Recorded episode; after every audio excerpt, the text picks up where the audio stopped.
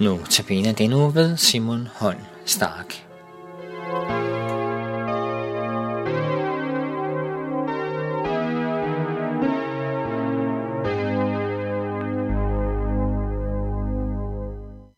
Det sidste stykke tid er det gået op for mig, at Bibelen i høj grad er bygget op omkring løfter. Og i den her andagt vil jeg forsøge at forklare, hvordan vi skal forholde os til Guds løfter, og hvad de betyder for ens dagligdag. Gud lover virkelig mange ting. Gud kalder for eksempel Abraham til at forlade sin slægt og sit hjemland. Men samtidig giver Gud ham et løfte om, at Abraham skal blive til et stort folk. Det skete rent faktisk, på trods af, at Sara, hans kone, var ufrugtbar, og at Abraham var gammel. Altså imod al menneskelig fornuft og alle forklaringsforsøg. Abrahams efterkommere blev til et stort folk i Ægypten. Gud lover så endnu en ting, at folket, altså israelitterne, skal få Kanaans land i eje.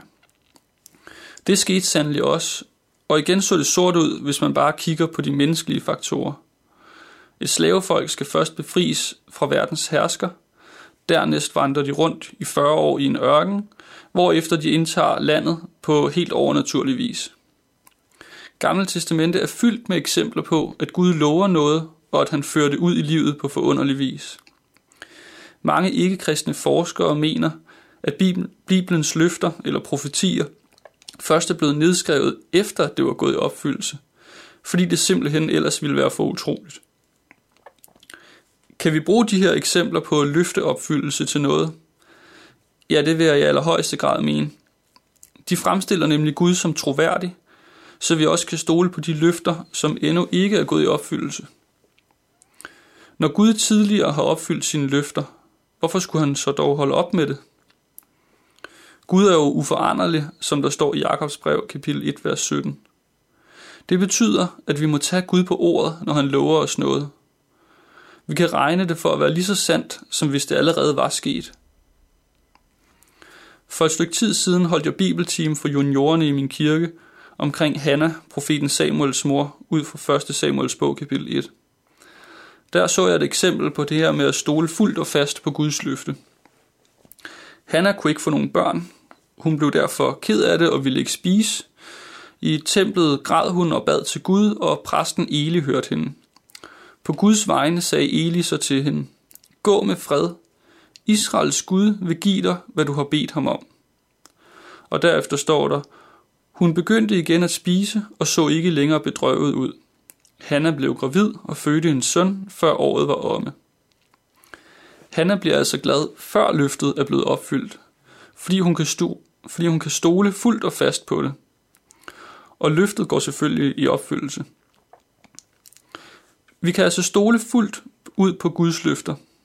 Dog er det utrolig vigtigt ikke at regne med løfter, som Gud ikke har givet. For eksempel vil nogen måske hive verset til Hanna frem og sige, at Gud vil give dig, hvad du beder om. Men det her løfte var jo specifikt til Hanna og ikke til dig. Et andet eksempel på et Guds løfte, som ofte bliver misbrugt, er fra Jeremias' bog kapitel 29, vers 11, hvor der står, Jeg ved, hvilke planer jeg har lagt for jer, siger Herren. Planer om lykke, ikke om ulykke. Om at give jer en fremtid og et håb. Det er ikke et løfte om, at israeliternes eller dit liv her på jorden skal være lykkeligt, som det ellers ofte har en tendens til at blive misbrugt som. Læser man videre, ser man, at det handler om, at Gud om 70 år vil forbarme sig over israelitterne, så de kommer tilbage til Israel efter deres landflygtighed i Babylon. Det er altså enormt vigtigt ikke kun at stole på Guds løfter, men også at vide, hvad han rent faktisk har lovet, og hvad han ikke har. Ellers kan man hurtigt blive skuffet og vred på Gud, uden at det er berettiget. Og så mister man måske tilliden til de løfter, som Gud rent faktisk har givet.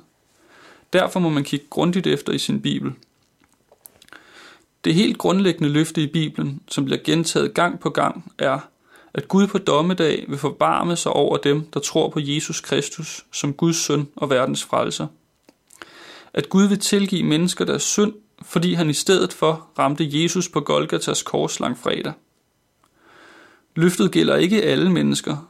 Størstedelen af alle mennesker vil Gud ikke tilgive, men derimod straffe til evig tid i helvede, fordi de ikke vil tro. Men alle dem, som tror, vil Gud give syndsforladelse og evigt liv. Fordi det her løfte er så stort og utroligt, har Gud bevist for os, at det gælder. Jesus opstod fra de døde, for at Gud kunne bevise, at Jesus var Guds søn og dermed i stand til at frelse os. Guds løfter er virkelig gode at minde sig selv om i sin dagligdag. Lad mig give nogle eksempler. Du går måske og lider og synes, at livet er svært. Måske er du selv eller en af dine nærmeste syg, og du kan ikke forstå, at Gud ikke griber ind. Der kan du sige til dig selv og til Gud, Gud, du har aldrig lovet, at du vil helbrede al sygdom her på jorden, men du har sagt, at i himlen vil det ske. I Romerbrevet kapitel 8, vers 28 har du sagt, at alt virker sammen til gode for dem, der elsker Gud. Så det stoler jeg på, at du bruger min lidelse i din plan, selvom jeg ikke kan se det. Det kan også være, at du går og er fortvivlet over dig selv. Du tænker måske, åh oh nej, Gud kan umuligt tilgive sådan en som mig. Der kan du minde dig selv om ordene i 1. Johannes brev kapitel 1, vers 9 og sige til Gud, Gud, du har altså lovet det. Du har sagt, at hvis jeg bekender mine synder, vil du tilgive mig. Nu bekender jeg mine synder. Der er mange af dem, og de er fæle. Måske angrer jeg ikke så dybt, som jeg burde. Måske bliver jeg heller aldrig bedre. Men nu har du lovet det, og det holder jeg dig op på og stoler på. Jeg har selv haft stor glæde og fred i at minde både mig selv og Gud om hans løfter. Der er også eksempler i Bibelen på, at mennesker gør det. For eksempel i Daniels bog, hvor han bruger løftet fra Jeremias, som jeg nævnte før. Jeg vil klart opfordre dig til at undersøge Guds løfter og bruge dem, når Satan får dig til at vakle i troen.